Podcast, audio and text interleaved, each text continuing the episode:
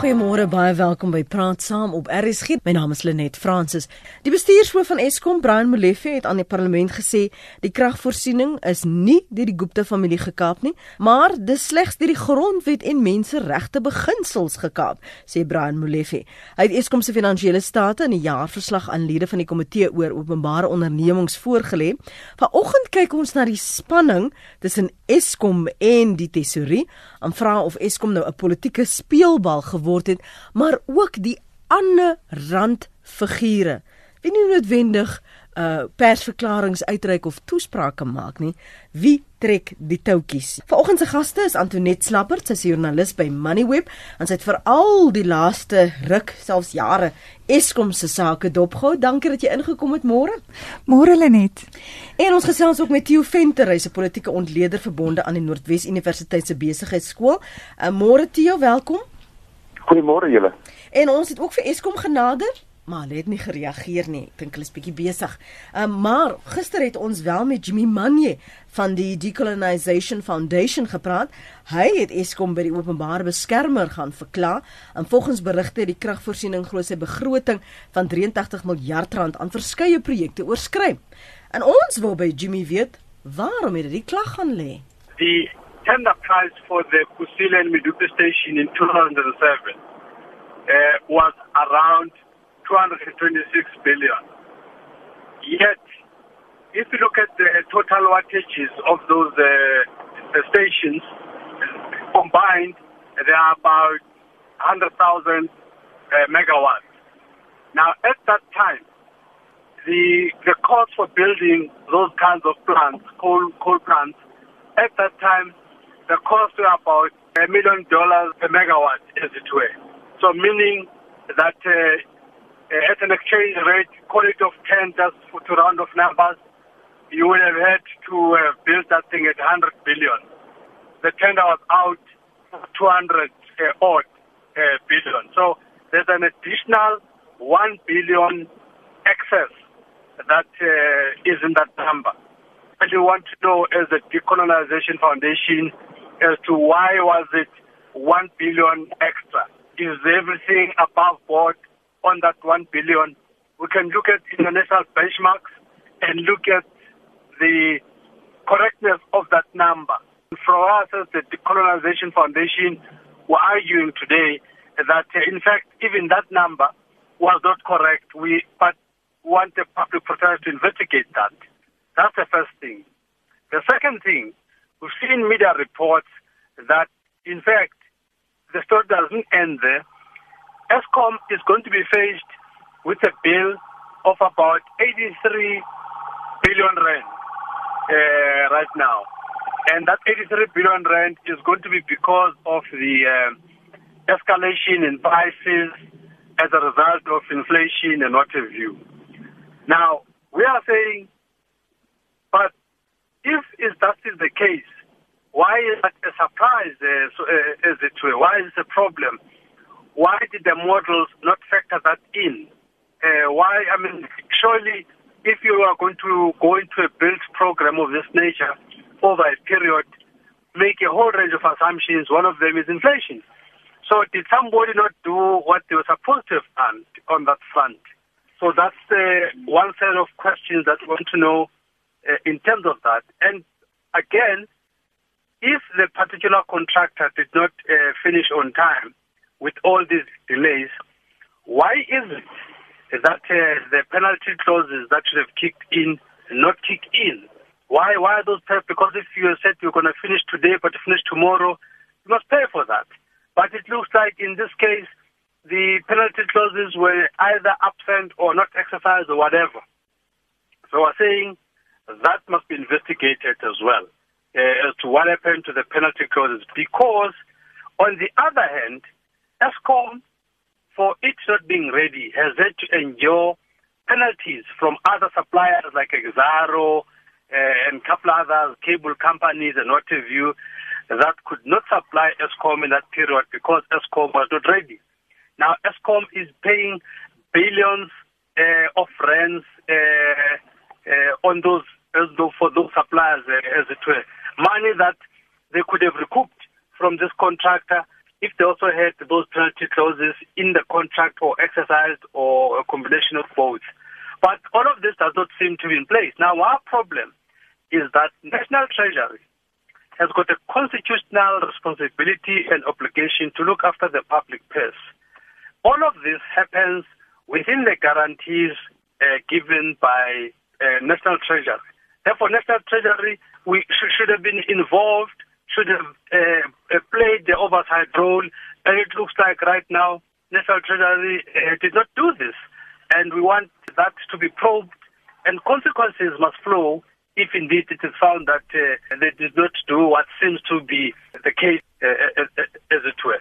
So this is the thing. And in fact, in addition to the 83 billion, other experts are saying, in fact, that's not all.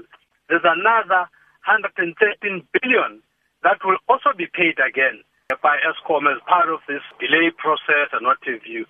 So it looks like we are worried as the Decolonization Foundation whether is this everything above board or there's some corruption here. Looks like ESCOM is a good vehicle for siphoning uh, public funds, uh, as it were. This is what we are worried about. And that's why we thought, let's approach the uh, public protector so that uh, we can make sure that uh, the public purse is uh, indeed uh, protected. En dit is stem van Jimmy Manju wat 'n uh, op 'n klag gaan leed by die openbare beskermer. Jy het gehoor die bekommernisse, die vrae wat hulle het as die Colonization Foundation en wat hulle voel die openbare beskermer moet ondersoek en waarop ons as die uh, publiek geantwoorde wat ons soek en waarop ons geregtig is.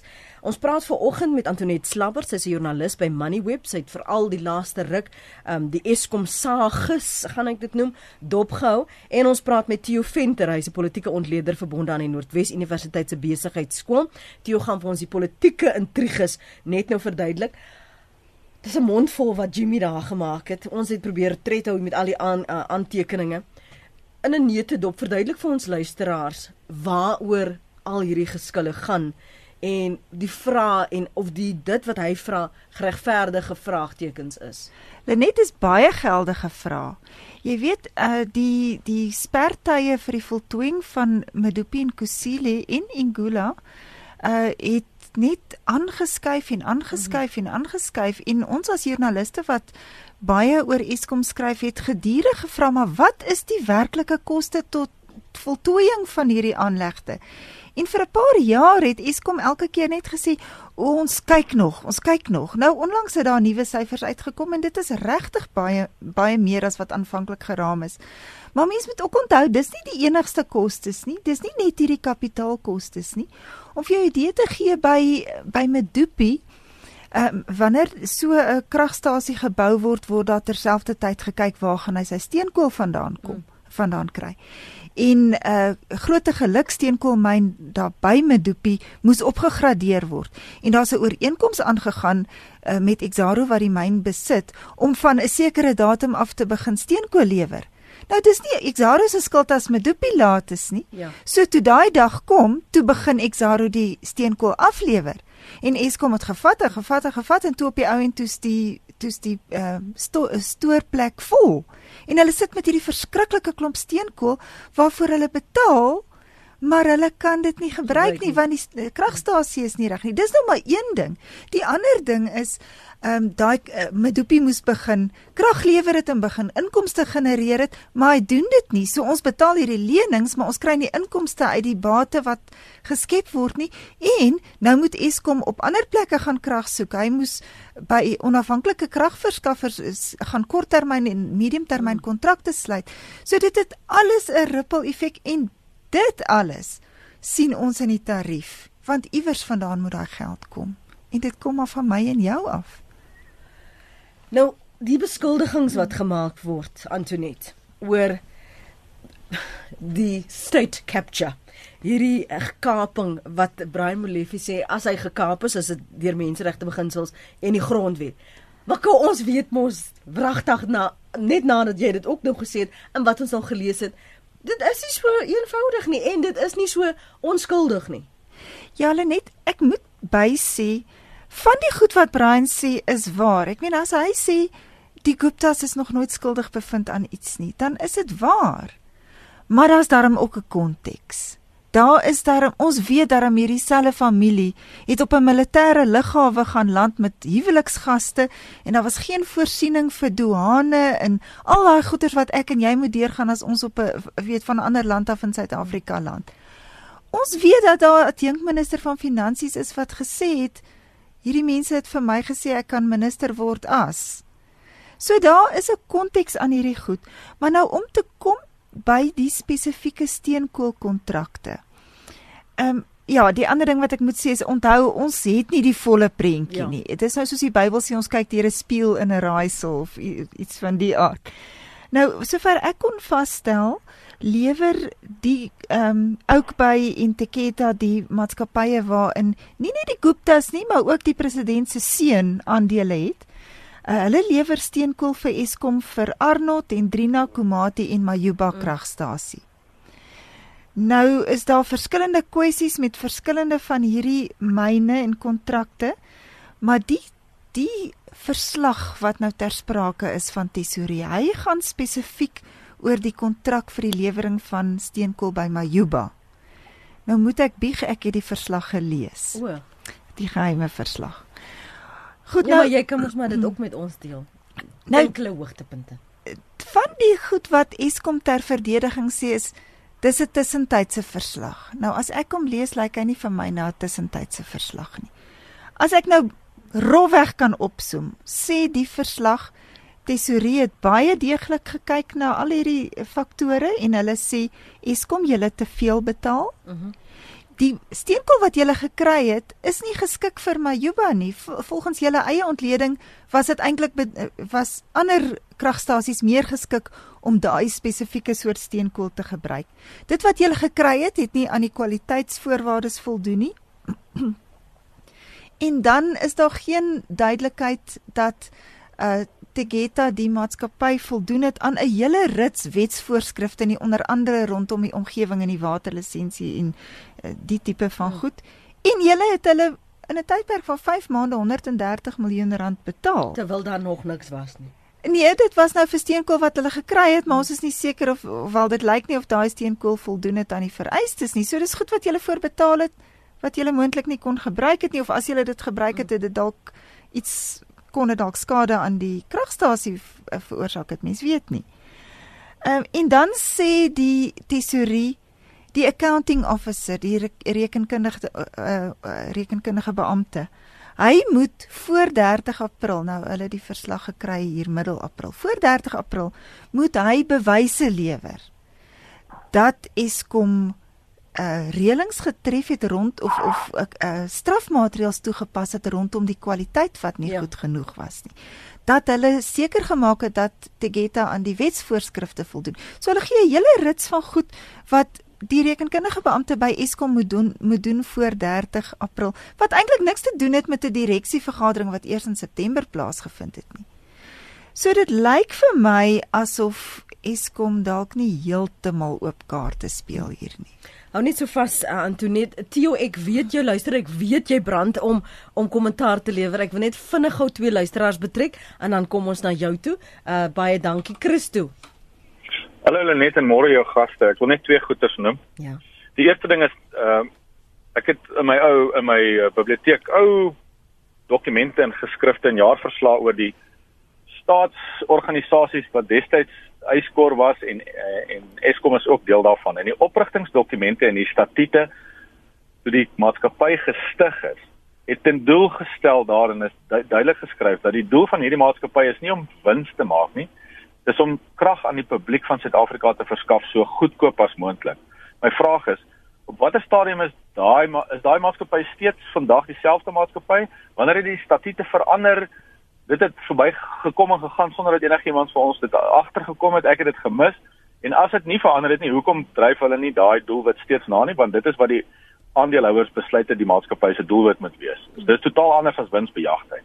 Die tweede ding is, ons sit vandag met 'n baie uitgebreide en baie netjiese maatskappywet van 2008 wat die pligte en verantwoordelikhede van direkteure duidelik uitspel, wat roekelose en nalatige gedrag ook duidelik omskryf. Hmm. Daar is ook meganismes en remedies beskikbaar daarvoor direkteure en en enige iemand in die publiek wat ontevrede is met die by die bedryf van 'n organisasie om 'n appel te maak en 'n klag te gaan lê sodat in aan te dring dat daardie maatskappy volgens hierdie riglyne eh, bestuur word.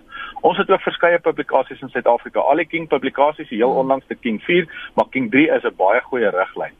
Waarom word die bestuur van hierdie publieke organisasies, waarvan Eskom een is, nie voor stok gehou om by hierdie riglyne te hou nie. Ons ouens wat privaat maatskappye bestuur, moet ons daarby hou. Ons moet ja. elke maand 'n vergadering hou.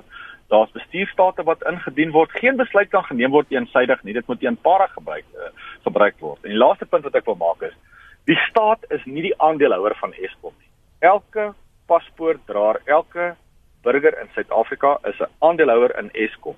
Die staat is die genomineerde custodian wat namens ons as die publiek daardie maatskappy moet bestuur.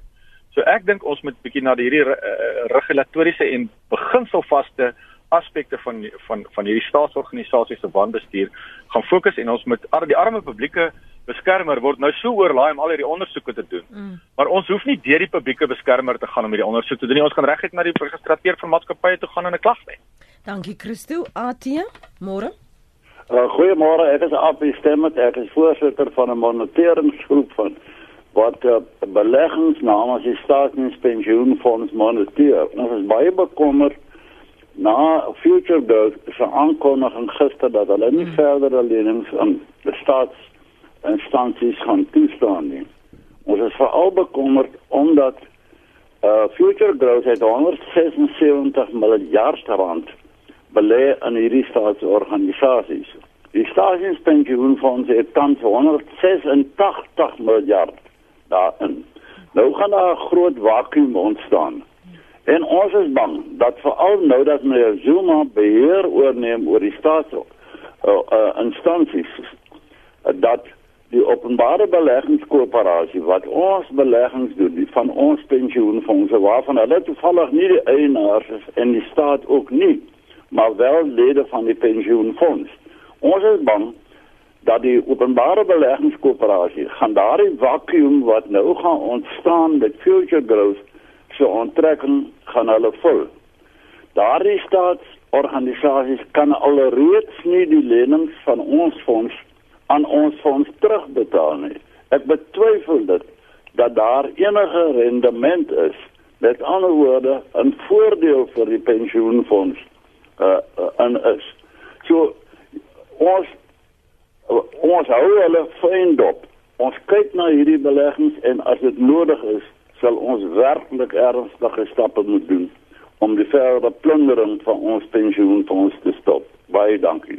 Baie dankie vir jou oproep daar Antje. As jy naat by ons aangesluit het, dis 25 minute oor 8. Dit was twee van ons inbellers. Ons praat ver oggend oor die spanning tussen Eskom en die tesorie en of Eskom en miskien dalk ook die ander staatsorganisasies politieke speelbal geword het. Ons gaste is Antoinette Slabbert, sy is 'n joernalis by Moneyweb en sy het voor in deel 1 uh, haar op, opsomming gegee van die verwikkelinge die laaste ruk uh, met trekking tot Eskom. Theo Venter is politieke ontleder verbonde aan die Noordwes Universiteit se besigheidskool en hy het intussen daarna geluister. Nou raak ons en ons bring gou al die punte wat Christo gesê het en ook AT. Help ons om te verstaan hierdie politieke spel Theo, want nou het jy Future Growth gehad wat gesê het hulle gaan nie meer hierdie lenings toestaan nie. Jy het die die aankondiging gehad dat president Zuma half die um, oorsigronde komitee die raad gaan lei wat hierdie staatsorganisasies ehm um, gaan gaan help bestuur. En jy het die valke wat op uh, Pravin Gordhan probeer toeslaan en jy het die spanning tussen Eskom en die nasionale tesourie. Hoe steek al hierdie of hierdie legkaarte mekaar Goeiemôre julle. Ek het amper nou die behoefte Lenet om te vra, het jy tyd?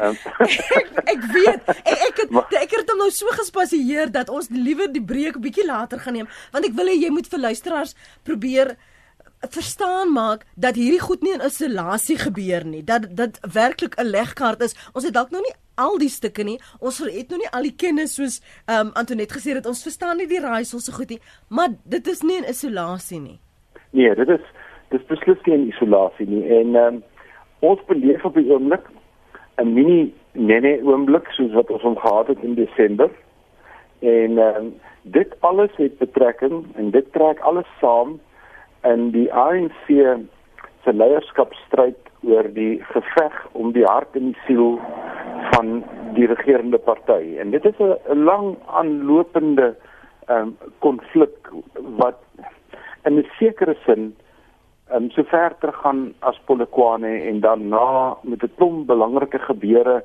wat mense maar langs die pad ehm um, allerhande padtekentjies kan opsit oor waar wat gebeur het, maar die huidige, die belangrike om nou te weet is dat die ANC staan op die vooraand van 'n leierskapsverkiesing wat ergens in volgende jaar moet plaasvind. En daar is nou allerlei sprake dat hulle dit wil vervroeg, maar volgens huidige um, kennis moet dit in Desember volgende jaar plaasvind en die intensiteit rondom wie die nuwe leiers in die ANC gaan wees, dink ek word deur die gemiddelde luisteraar nie na waarde gewaardeer nie. Hier is werklike intense stryd agter die skerms. Mm. Nou daai stryd word nou betrek by hierdie gevegte wat ons nou hoor. En een van die interessante goed wat ek gister gehoor het en dit is sommer so in die verbygaan gesê terwyl Brian Molefe in die parlement was, het hier en daar 'n grappie gemaak, maar die een grappie wat hy gemaak het was vir my 'n uh, geweldige diepsnydende 'n um, uh, stukkie humor. Toe um, hulle vir hom iets vra, toe sê hy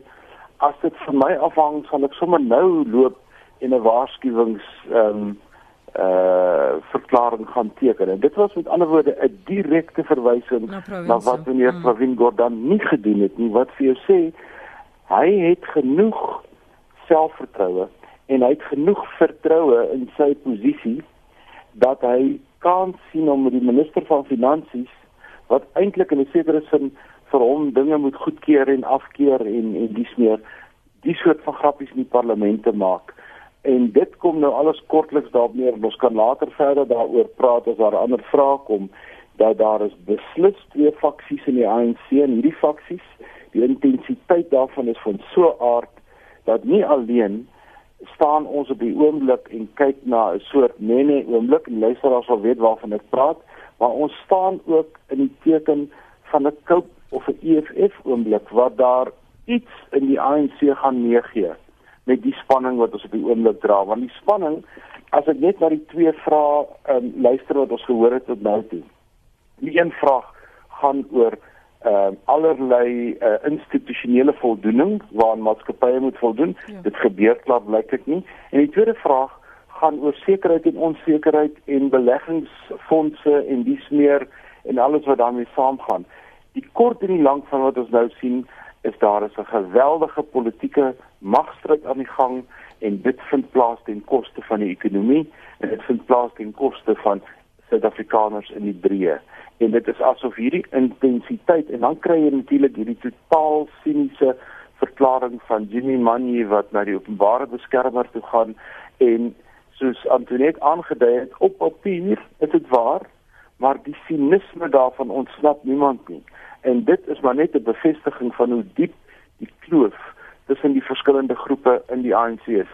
En ek wil afsluit deur te sê in alles moet ons nie vergeet nie dat meneer Zuma het 'n geweldige hou vas op die regerende party dis nie asof daar 'n 'n 50-50 verdeling tussen die alliansie vennote of die faksies is nie ek dink die faksies is eerder 70-30 en dat die 30% is aan Pravin Gordhan se kant en al die ou ANC-lede en die 70% is eerder aan meneer Zuma se kant. Maar mens moet oppas as jy in die meerderheid is in so 'n faksie dat jy jou politieke mag nie oortref nie en dat jy die dat jy die spanning nie so ver dryf tot op breekpunt dat jy uiteindelik die ehm um, totale beheer wat die party oor die land het nog verder verswak en dit is maar alles ehm um, geïnisieer na 'n baie swak vertoning van die ANC in die laaste verkiesing wat ons gehad het so 3 weke gelede. Hans wil vinnig 'n punt maak, Hans môre? Môre eh uh, net en al die goeie mense. Nee baie baie vinnig. In 1984 het uh, die ou gestel uh, ons groot krokodil Pedro Botha die Rubicon en nie kon hy net nie oorsteek nie. Die volgende dag het Morgan in die daai tyd onttrek uit Suid-Afrika uit vir die einde van die finale 20 jaar van van van van verandering wat ons moes kon ge, ge, uh, wat kon gebeur het Nou hier presies wat gister gebeur het, is dieselfde oefening en dit is nou maar net so dat daar moet 'n leierskapverandering kom en gelukkig werk die demokrasie vir ons in die media hou soos vanoggend gesê is op monitor dat uh, ons praat lekker saam. Dis al wat ek wil sê. Ons kan maar net kyk hier kom groot veranderinge. Goed. Dankie. Dankie Hans wat praat ook van 'n moontlike Rubicon oomblik weer in ons geskiedenis. Ons praat met Antoinette Slabbert, sy is 'n joernalis by Moneyweb en met eh, Theo Venter, politieke ontleder. So nou Antoinette, dit is ongehoord vir die nasionale tesourie om in gevegte betrokke te raak. Daar was nog altyd die respek vir dit wat hulle moet doen, die oorsigrol wat hulle moet speel, maar met die aankondiging van uh, president Zuma wat dan nou hierdie uh, raad gaan lei, ons sien die houding uh chacharige houding van Eskom uh, om nie dokumente voor te lê nie dat hulle net ondermyn word. Is dit speel dit in vir wat Theo sê hierdie faksies, hierdie spanning, hierdie toutrekkery? Ja, Lenet, uh, definitief, maar ek dink 'n mens moet ook mooi kyk wat is tesourie se rol. En dan is daar die groot G woord geld. Dit gaan nie politieke mag en geld dink ek is nou verwant. Nou om net 'n bietjie konteks te gee. Uh Eskom spandeer of hulle het in die vorige boekjaar 47 miljard rand aan steenkool bestee. Nou dit is om net 'n vergelyking te gee 118 Nkanlas. Of dis gelyk is amper gelyk aan twee totale goudtreine, die bouwerk, die stasies, die tonnel en die uh, treinwaans. Dit is ongelooflike bedrag geld wat hier ter sprake is. Eskom se totale aankope, nie net sy steenkool nie, sy totale aankope in die vorige boekjaar was 170 miljard rand. En dit is 'n tema wat nie net by Eskom is nie, die staatsmaatskappye, SAL, Eskom, mm, mm. Denel, daar's ons weet mos daar's nou 'n hele sweterhiel van hulle.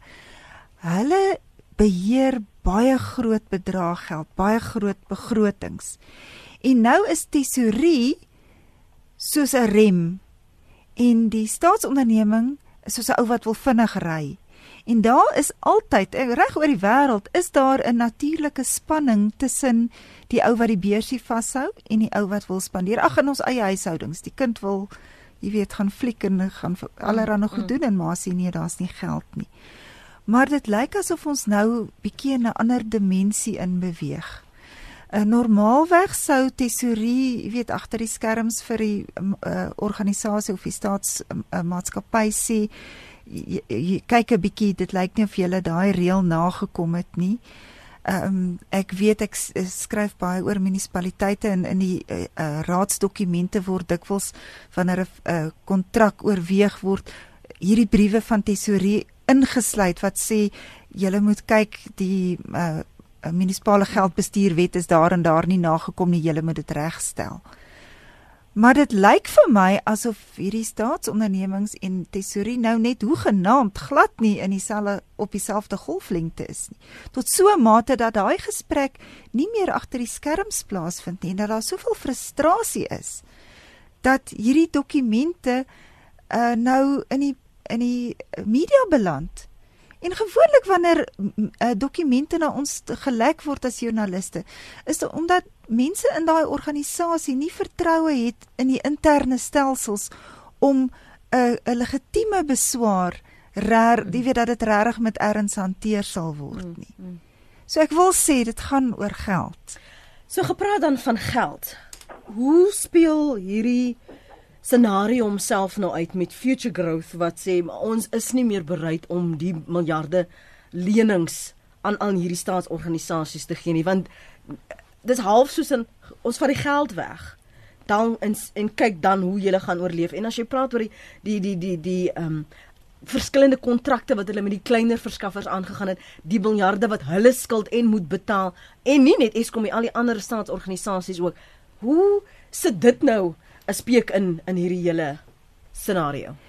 Ja, dis 'n baie ernstige saak as die geldkraan toegedraai word want die staat het nie genoeg geld uit belasting. Wel, hulle kan belasting opskuif, maar ook net tot op 'n punt, nê?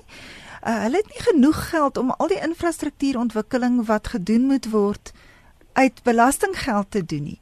So wat hulle doen is om die balansstaat van so 'n staatsmaatskappy te gebruik om en, en dit word gerigsteen deur staatswaarborge. Dit gebruik hulle om dan geld te leen by die privaat sektor om daardie infrastruktuur te bou. Nou ek het byvoorbeeld al redelik intensief gekyk na Sanral se geldsaake en hulle eh, verkoop effekte elke maand. Hulle moet elke maand so 500 miljoen rand se effekte verkoop en dan word ander weer afgelas en omgerol en die tipe dis 'n gedurende proses. Nou toe die groot uh uh kontroversie rondom die uh, etel daar was. Jy weet toe dit op sy hoogtepunt was. Het hierdie hulle noem hulle beleggers, maar dis eintlik maar uh kredietverskaffers het hulle gesê ons gaan nie die effekte koop nie. Maar daar was nog altyd vertroue dat die regering darm agter Sanral staan en die verkope het weer aangegaan hmm. en Sanral kon darm aangaan sy skuld is bietjie hoër maar hy kon aangaan. Maar as hulle nou sê ons gaan nie verder aan julle krediet verskaf nie, wat gaan gebeur? Ons infrastruktuurontwikkeling sal waarskynlik tot 'n stilstand hmm. kom. En as uh, Future Growth dit sê, dan gaan ander plaaslike kredietverskaffers waarskynlik dieselfde sê en dink aan 'n ou in die buiteland, hy gaan sê my heerlikheid as jou mense in jou eie land nie eers vertroue het nie, hoe moet ons vertroue in in jou regering hê? En kan ek net kan ek ja, net ek wil hier, hier, hier kom die hier kom die politiek nou weer in wat hmm. Antoinette beskryf is nou die die hoe die proses verloop. Die politici wat beheer is met hulle magspel en wat nou in verskillende faksies is, is so betrokke by hierdie kom ons noem dit nou maar hierdie hierdie gesinsgeweld waarmee hulle nou onderling besig is, dat hulle nie rondkyk wat die bure sê en wat die mense rondom hulle sê nie. En dit is 'n soort van 'n belanghebbende analise van of 'n belanghebbendes analise van die omgewing. Nou kom die sake sektor.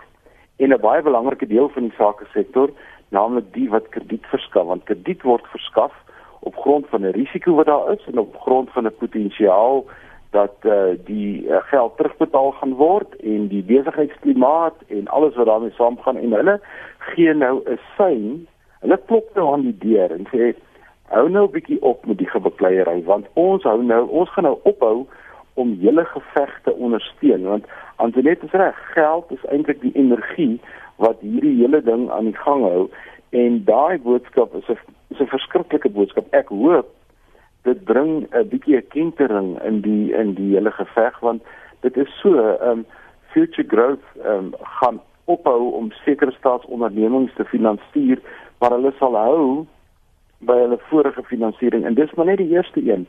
Die volgende wat gaan gebeur is dat sakeleiers hulle klaar begin daarmee um, agter die skerms met die groot um, politieke uh, partye gaan praat want die verwagting wat ons het in die volgende week of twee is dat daar 'n dramatiese verskywing in die kabinet gaan kom.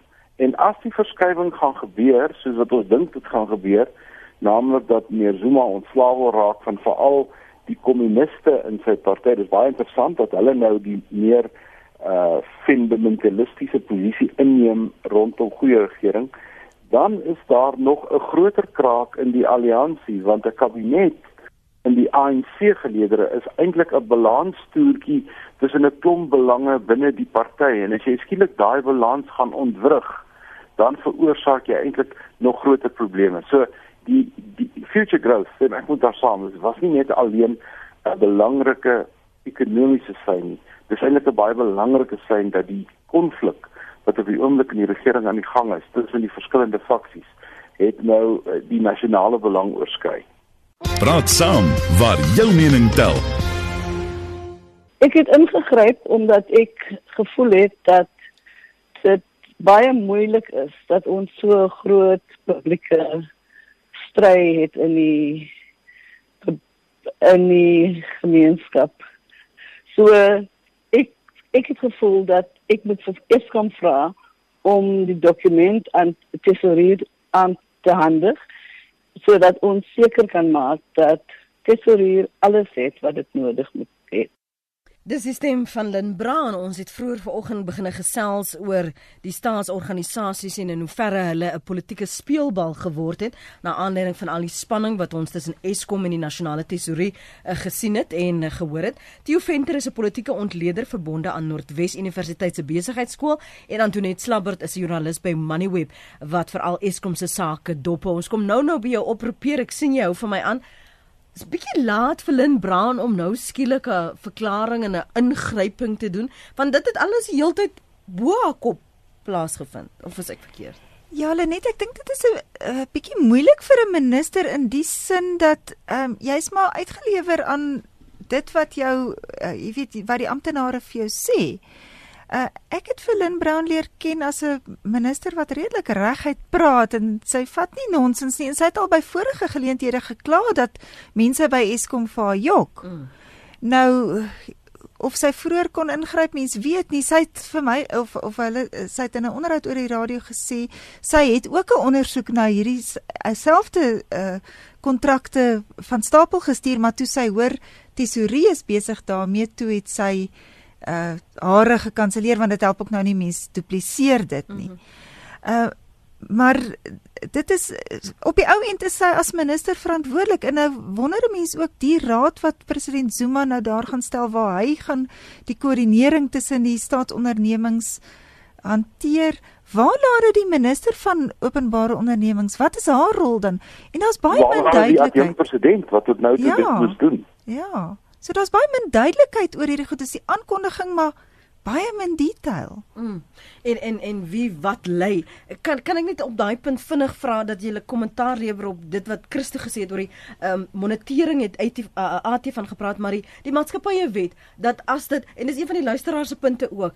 Ehm um, vra vir Antoinette, hoe is dit dan dat Glencore ewige boetes opgeloop het met die afgraad materiaal? Eskom hulle nie wou toegemoet kom nie en toe Degeta oorneem is die kwaliteit skielik op standaard sonder boetes en is daar selfs 'n vooruitbetaling dis 'n punt wat Jacques maak. En Christo het ook daaraan geraak. Waarom is waar is die checks and balances? Waarom is daar um nie ingryping juis op bestuursvlak nie? En, en selfs hoor. Ja, eh, wel dit eh, ek dink dit 'n uh, mens kan vra wat is wat is die mense se agendas? Hoekom gryp hulle nie in nie? Hmm maar dan ook wat is die inligting wat by hulle uitkom maar uh, om terug te kom tot die boetes wat wat ehm um, by Optimum opgelees vir Glencore en hoekom dan nou nie vir Tegeta nie. Dis deel van die vrae wat in hierdie tesorie verslag gevra word en waar waar waarop Eskom moet antwoord en waarop hulle vir 4 maande nie geantwoord het nie tot die minister nou gesê het vir Flux gee daai antwoorde, gee daai inligting nou. Om net terug te kom tot die maatskappywet is interessant dat uh Alta die uh alliansie teen die vermorsing van belastinggeld. Ek nou nie hulle presiese naam hier nou nie. Ja, ja, ja. Maar die organisasie is besig om baie ernstig daarna te kyk om die direkteure van SAL uh te laat uh in Engels sê hulle delinquent verklaar. Uh, jy weet, hulle skuldig te laat bevind aan roekelose gedrag in terme van die maatskappywet. Ja, dis reg. Uh so en, dit kan 'n baie interessante verwikkeling wees. Ja. Ekskuus, jy? Nee, ek sê ons ons lig nou 'n paar staatsondernemings uit en die staatsondernemings boonbehalwe swak bestuur en politieke inmenging. Ehm uh, moet ons weet dat die staatsondernemings die regering geweldig kwesbaar maak in terme van sy blootstelling aan skuld. Ehm um, en dit sluit die SAIK in en dit sluit SAL in en dit sluit Eskom in en klomp ander daar's omtrent 700 staatsondernemings waar ons praat van die grootes. En die die die die agentskappe wat na ons kredietwaardigheid kyk, die 3, Standard & Poor's, Moody's en Fitch, maar veral Standard & Poor's, hy is die belangrikste van die lot, het vir ons gesê 'n maand of 4 gelede, ons gaan julle nie afgradeer nie, ons gaan julle 'n geleentheid gee om in vrede julle verkiesing te hou en dan 'n klomp regstellings te maak na die verkiesing. Wat nou op die oomblik besig is om te gebeur, is soos die ouens in sokker sê, ons is nou besig om 'n eie doel aan te teken, 'n own goal. Hmm. Aan die ander woorde, niemand doen dit aan ons nie, ons doen dit aan onsself. En ons vra eintlik nou, ons gee eintlik vir onsself nou 'n waarborg om afgegradeer te word. En die afgradering van ons kredietstatus het vir hierdie selfe staatsondernemings waarvan ons nou praat, die geweldige konsekwensie dat die skuld wat hulle hou nog duurder gaan word. Die skuld wat die land moet soek, gaan nog duurder word. So die implikasie hiervan dis 'n dis 'n uitkringende effek en dit vereis leierskap en dit vereis politieke optrede. Ek stem saam. Lindbrand baie laat in die dag na vore gekom, maar ek het 'n idee baie van hierdie besluite word polities bepaal en baie van hierdie besluite word bepaal deur veral vier provinsies in die land, die sogenaamde Premierliga, ehm um, Noordwes provinsie, uh Mpumalanga, ehm um, Vrystaat en nou ook KwaZulu-Natal. En hulle speel saam met die Vroue Liga, die Jeugliga en die ehm um, die MK veterane speel hulle 'n verskriklike belangrike rol as die mobiliseerders vir steun aan meneer Zuma teenoor die ander kant. Wat kom ons kom ons noem hulle nou maar die Provin groepering. Hmm. Pierre. Môre. Ja, goeiemôre net. Dankie. Ek wil net ek wil net 'n paar dinge noem. Uh, met Dupie kragstasie moes al lankal klaar gewees het. Dit is 'n ANC maatskappy wat daardie kragstasie bou. Daar is sekerlik boetes as jy uh, oor jou tyd is wat betaal moet word. Ek het nog nooit gehoor dat hulle enige boetes betaal nie. Die ander van die ding van Pallenbor Gordon is dat uh lyk my uh, die dinge word te lekker deur mekaar gekrap uh, met die valke dat hulle Pallenbor aanvat. In plaas dat hulle Zuma aanvat, want die hof het beveel dat die nasionale vervolgingsgesag moet die saak teen meneer Zuma aan met hom aangaan. En maar jy hoor niks daarvan nie want Abraham Abrams het was nou saam met hom hof toe gegaan en probeer uh, Sean, uh, die saak skik. Nee, nie Abraham nie, Sean. Sean Abrams van die of Sean Abrams ja. het maak nie saak wat is hy my nasionale ver, okay. vervolgingsgesag. Goed, dankie P. Ek gaan julle vra om in die volgende 3 minute opsommend te praat oor so wat's nou, wat's volgende? Wat kan ons verwag? Daar's gerugte dat Pravin Gordhan wel gearresteer gaan word, ehm um, dat die die die klimaat maar net geskep word om dit aanvaarbaar en ek plaas aanvaarbaar in aanhalingstekens te maak. Ons het die kredietwaardigheid vra oor Eskom, nou wat met daardie lening wat onttrek is, SAL, die ander ook, waarheen dan? Lenet, ek dink ons moet ons veiligheidsgordels vasmaak. Ek dink daar's 'n rowwe pad voor. Uh ek ek dink dat ons magte het wat kragte meet teen mekaar. En soos hulle sê as die olifante beklei kry die gras seer. Uh dit gaan nie 'n maklike tyd wees nie, maar ek is maar 'n ewige optimis. Ek, uh, ek dink Suid-Afrika is 'n baie robuuste samelewing. Ons stry en beklei en ons beweeg tot op die randjie van die kantjie van die afgrond. Maar gewoonlik voor ons afval dan kom ons tot ons sinne en ons beweeg daarom so meter of 2 terug. Ek hoop dis wat gaan gebeur. Kom ons hoor of Theo jou sentiment deel. O ja, ek deel haar sentiment presies. Ons het voorbeelde van hoe ons dit al gedoen het. Vir my op die kort termyn moet ons na die waarde van ons geldeenheid kyk want die waarde van die rand is so half 'n 'n politieke pylstok. Ehm um, die die markte wêreldwyd en plaaslik werk baie sterk op op ehm um, politieke gerugte en op binnekennis en op aanvoeling en waar dinge heen gaan. In die rand weerspieël op die oomblik 'n baie volatiele en 'n baie um, onseker situasie. En ek hoop dat die onsekerheid en die volatiliteit en die aankondiging van future growth en nog een of twee ander wat gaan volg daarop gaan maak dat um, politieke leiers tot in insig kom en tot kentering kom en besluit die rigting waarna dinge nou loop is onvolhoubaar en iets moet stop. Julle baie baie dankie. Die luisteraars wil nog baie langer praat oor baie van hierdie punte wat julle vanoggend gemaak het. Ongelukkig hierdie tyd ons ingehaal. Tio baie dankie vir jou beskikbaarheid vanoggend en dankie dat jy ingekom het Antonet. Waardeer dit.